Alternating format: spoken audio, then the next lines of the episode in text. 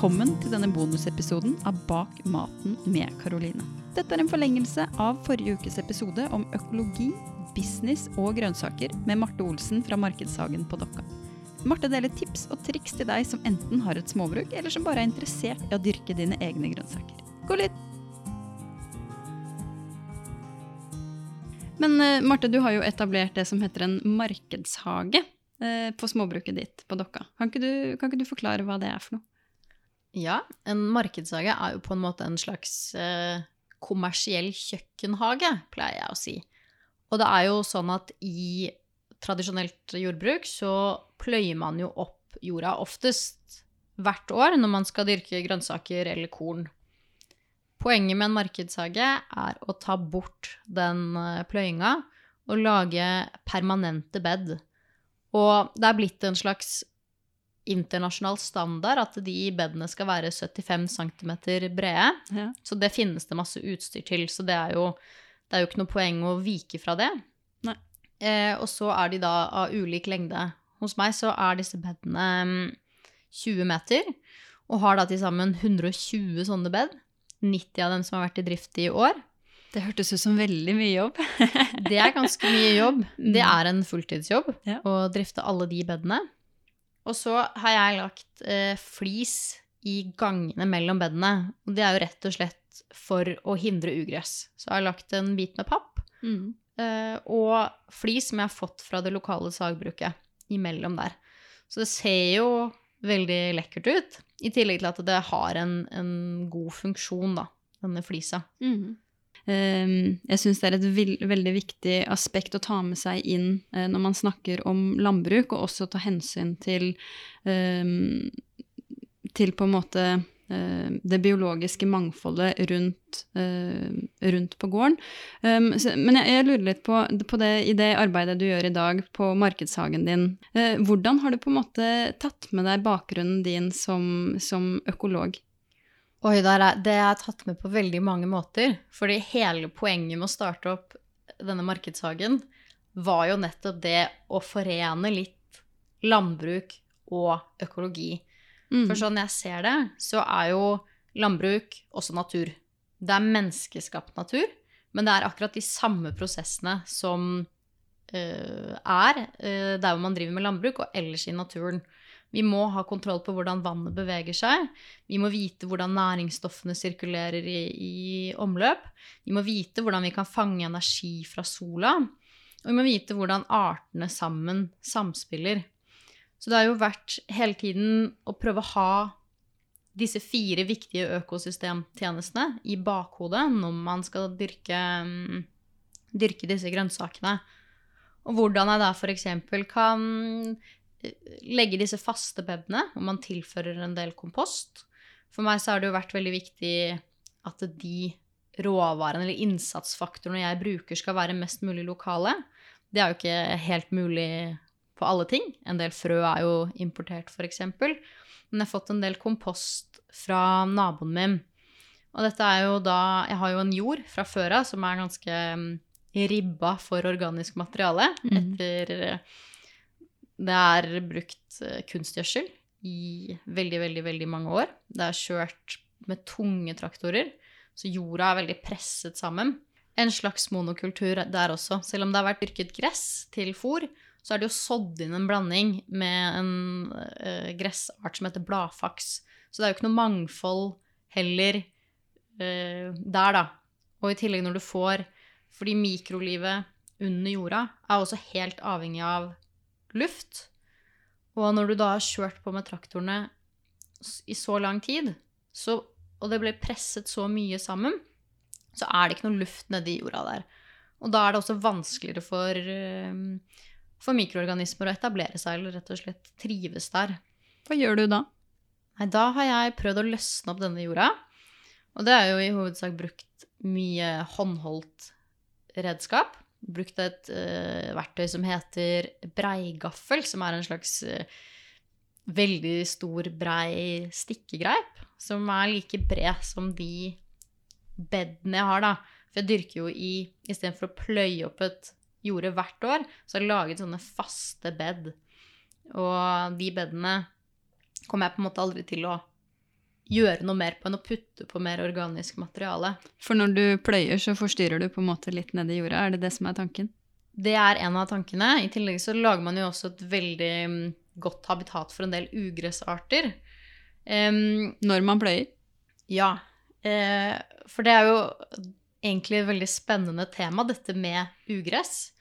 Vi, det er jo vi mennesker som har kalt noen arter for ugress, fordi at eh, vi ikke vil ha de der. Og så gjør vi jo veldig mange tiltak for å prøve å bli kvitt de. Og jeg tenker det er litt feil tilnærming. Vi burde i stedet spørre oss om hvorfor finnes ugresset her? Og når vi da pløyer opp et øh, jorde, så ligger det der jo en frøbank. Det ligger masse, masse frø i jorda, men som ikke har hatt muligheten til å spire. Eh, og når vi pløyer opp, så legger vi da til rette for at en del av disse artene, som er det vi kaller pionerarter, som rett og slett de ligger, frøene ligger nedi jorda, kan ligge der i årevis og vente på at det skal skje en forstyrrelse. Ja. F.eks. en pløying. Så vi gjør egentlig dem en tjeneste når man pløyer om våren, da. Ja, da legger vi til rette f.eks. For, for mellestokk, da, som er en, en eh, art som jeg tror alle bønder eh, kjenner til, som Mm. er eh, det er en veldig voksevillig art. Jeg eh, pløyde jo opp et jord hos meg nå i våres, og vi tullet litt med meg hos meg at vi kanskje skulle begynne å dyrke mellestokk, for det var så enkelt. Det var bare å pløye jorda, og så kom det opp. Mm. Eller så er det jo da også mm, eh, andre type ugressarter. Det er veldig mange hageeiere som klager over løvetann i hagene sine. Ehm, og da bør man istedenfor å gå rundt og vet ikke hva folk gjør, stikker opp, og det finnes jo masse sånne spesialverktøy for å ta ut løvetann, så kan man kanskje spørre seg ok, men hvorfor liker løvetannen seg her? Hva er det som gjør at det, den heller vil være her enn det gresset som de kanskje sådde inn ti år tidligere. Og det er jo Hvis man har prøvd å grave opp en løvetann, så vet man jo at den har en lang, dyp rot. Og den er veldig god på å bore seg ned i eh, hardpakket jord. Så kanskje ved å løsne opp den jorda, så kan man legge forholdene bedre til rette for andre arter som man heller vil ha der gress, eksempel, som folk gjerne vil ha i, i plenen sin. Mm. Du var i gang med å, å snakke om uh, forskjellige teknikker på, på jorda, og så spora vi litt av med, med ugress. Er det noe mer du vil, du vil legge til angående, angående det? Ja, Um, vi snakket jo litt om dette med Også med økologi inn i Å ta med det inn i landbruket, da, eller i denne markedshagen. Ja, for du, du, du, du snakker jo på en måte som om du, du virkelig dyrker mat på, på naturens premisser, da, for å si det sånn. Ja, og det er jo hele målet.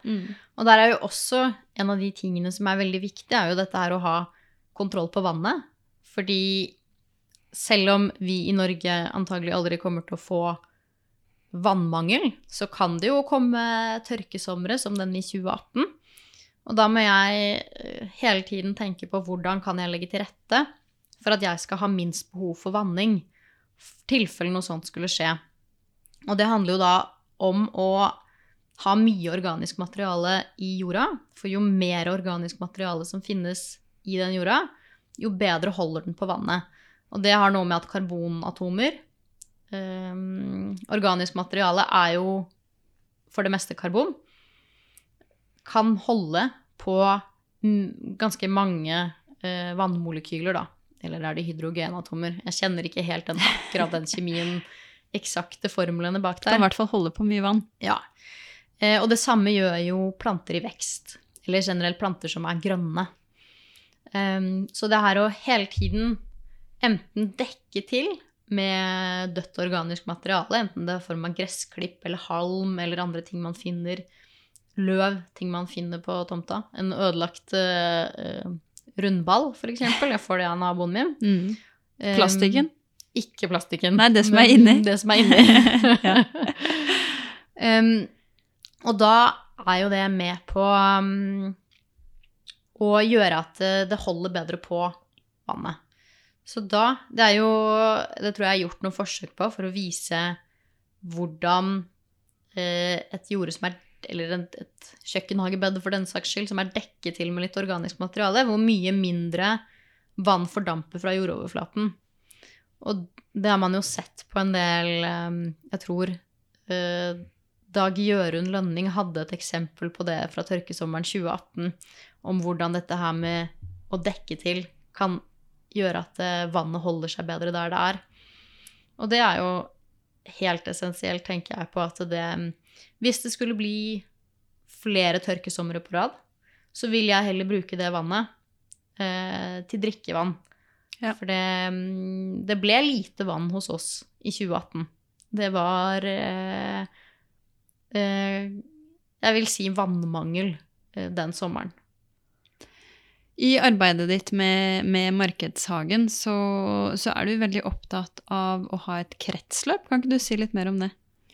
Ja, det er jo Jeg har jo, er jo som sagt økolog.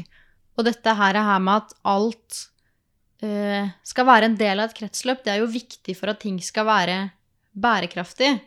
For hvis ikke ting går i kretsløp, så blir det jo avfall. Og da kommer jo spørsmålet inn hvor mye avfall skal man lage? Og hvis man gjør det over lang nok tid, hva skjer med det? Så i min verden så må alt være i kretsløp hvis det skal være bærekraftig. For jeg pleier jo ofte å stille meg det spørsmålet at eh, er det jeg driver med nå, er det bærekraftig i et evighetsperspektiv? Og hvis svaret er nei, så er det jo per definisjon ikke bærekraftig. Og mm, da handler det om å få alt inn i et kretsløp tenke at alt har en, en rolle. Hvis det finnes, hvis det er noe som ikke har en rolle, så kanskje man burde tenke om hvorvidt det burde være med. Er det noe du på en måte har kasta ut av, av drifta di, som du ikke fikk til å sette inn i et kretsløp? Nei, men det er jo Jeg har foreløpig ikke fjernet det fra driften min, men det er jo sånn som plastikk til drivhuset, f.eks. Insektnett som er laget av plastikk. Mm. Det er jo per definisjon ikke mulig å få dette godt nok inn i et kretsløp. Ja. Eller i hvert fall den teknologien som finnes i dag, kan ikke gjøre det, noe med det.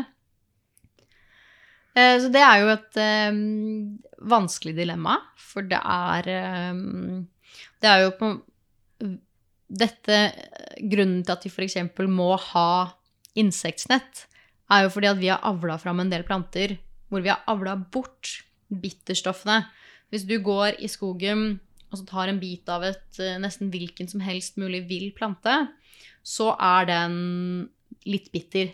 Og det er jo det som heter antibeitestoffer, som planten har utvikla for at den ikke skal bli angrepet av insekter. Ja, ikke sant. Og det har vi avla bort. Ja. Så vi har jo laget en ordentlig buffé med bare kjempelett tilgjengelig næring for insektene. Mm. Og da er jo vi nødt til å dekke til dette for at ikke insektene skal komme og spise opp maten vår. Um, og det er jo litt um, et spennende dilemma om er det egentlig bærekraftig i et uendelig perspektiv å spise så mye av den hva skal man si, den maten som vi spiser, eh, krever så mye teknologi, da, hvis vi sier at teknologi er på en måte alle menneskelige verktøy i den forstand. Mm. Um, men så er det jo kanskje igjen man skal være litt pragmatisk og så si det at um, ok, jeg er enig i at denne, dette insektnettet eller plastikken til drivhuset mitt ikke er eh, bærekraftig, men den er helt nødvendig for at jeg skal klare å leve av det. For at jeg skal klare å tjene nok penger til å kanskje skape noe enda bedre i framtiden. Mm. Så er det et, hva skal man si, et nødvendig onde Ja. eh, nå. Mm. Em, hvilke, hvilke produksjonsmetoder er det du eh, har på, på gården din i dag som ivaretar det her krets, den her kretsløpstankegangen eh, på best mulig måte, tenker du? Um, jeg tror jo først og fremst at det er vanskelig å få til en ordentlig kretsløpsproduksjon med bare én type produksjon. Ja, Så For du har bare grønnsaker? Jeg har bare grønnsaker. Men det som ikke så mange tenker på, er jo at grønnsakene må også spise. Grønnsakene trenger også mat. Og når vi planter eh, ut planter, Og så lar vi de vokse. Vi trekker masse næring og vann ut av eh, jorda. Høster vi de, spiser de. Eh, og næringen kommer jo ut med vår egen avføring, men den går jo aldri tilbake i hagen. Så derfor må vi tilføre næring utenfra. Og mm, det er, jeg tror det skal være helt fysisk mulig å dyrke med hva skal man si, bare plantebasert kompost. Men man får helt klart bedre resultat om man bruker dyremøkk. Så det mm, Så egentlig så må man jo da ha noen form for dyr, som gjerne kanskje kan stå på en talle om vinteren. Hva betyr en talle? En talle er et um, lag med f.eks. Jeg har oftest brukt torv, hvor torv og urin og noe avføring blander seg sammen til et sånt godt, tykt uh, lag som har en god isolerende effekt, da. Uh, og som også da blir fantastisk kompost. Um, og bruke den talla på uh, grønnsakene sine. Mm. Du sa jo at du, du samarbeida med naboen, så kanskje det er en, en, måte å få til et kretsløp hvis man bare dyrker grønnsaker sånn som du gjør?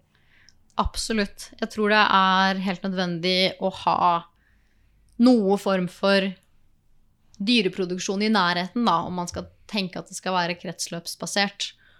Og jeg er jo veldig heldig å ha en nabo som har mange hester. Mm. Så um, der får jeg jo gratis tilkjørt til meg. Ikke verst. Det er ganske luksus, altså. Mm.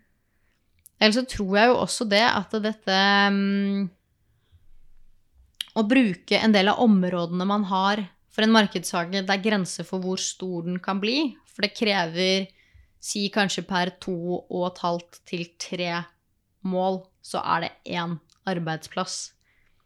Én fulltids arbeids... Hva skal man si stilling. øh, For da kanskje halve året. Og, så det er jo en mulighet for mange som har lite areal, til å drive med dette. Men samtidig så er det jo mange som ofte har mer areal.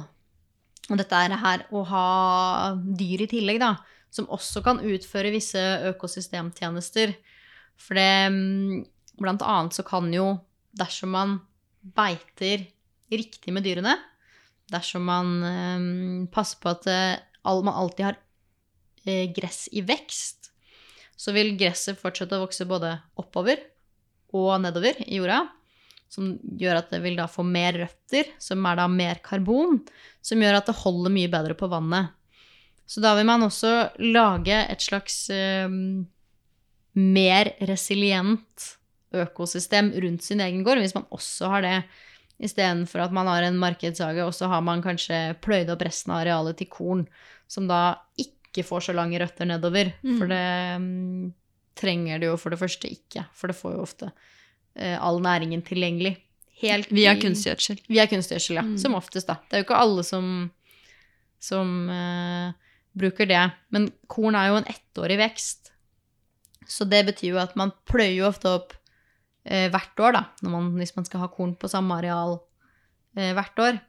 Så de rekker jo heller ikke å vokse så, så mye nedover, selv om de hadde hatt muligheten. Og hvordan kan man, med bare 30 mål, få en årslønn? Hvilken, hva er det man må gjøre for å få det til å gå opp? Fortell oss, hvordan, eh, hvordan får man det til å gå opp? Hvordan Nei. får du det til å gå opp? Det mm, eh, er jo ingen lett oppgave. Det er jo hard jobbing, og jeg tror ikke noen skal gå inn i landbruket generelt og tenke at de skal tjene masse penger. Da er man på feil sted.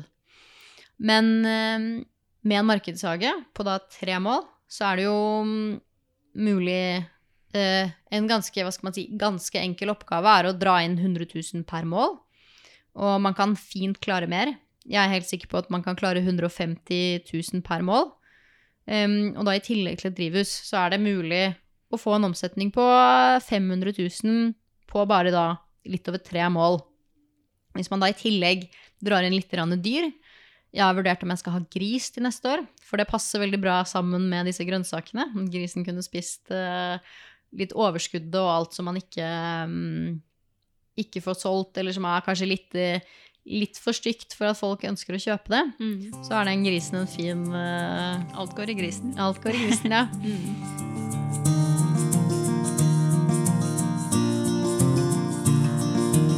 Denne episoden er laget av meg, Karoline Aalum Solberg, i samarbeid med Bondens Marked. Musikken er produsert av Creo og Liro Sever. Om du vil dele ris eller ros, så finner du meg på Instagram under Bak maten med Karoline, og på karoline at bakmaten.no. Tusen takk for at du hørte på denne episoden, og husk at det utgjør en stor forskjell om du legger igjen en anmeldelse eller rating på iTunes eller Apple Podcast. Vi høres igjen neste uke. Ha det!